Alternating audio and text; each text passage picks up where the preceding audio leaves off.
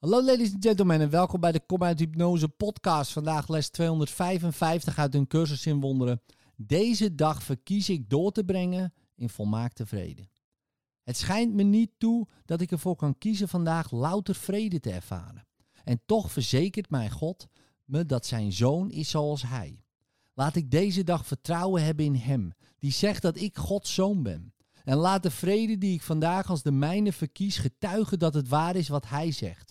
Gods zoon kan geen zorgen hebben en moet voor eeuwig in de vrede van de hemel zijn. In zijn naam geef ik deze dag om te ontdekken wat mijn vader voor mij wil. Dat als het mijne te aanvaarden en het al mijn vaderzonen te geven, tegelijk met mij. En al dus, mijn vader, wil ik deze dag met u doorbrengen. Uw zoon is u niet vergeten. De vrede die u hem gegeven hebt, is nog altijd in zijn denkgeest. En het is daar dat ik deze dag verkies door te brengen. In liefde, tot morgen.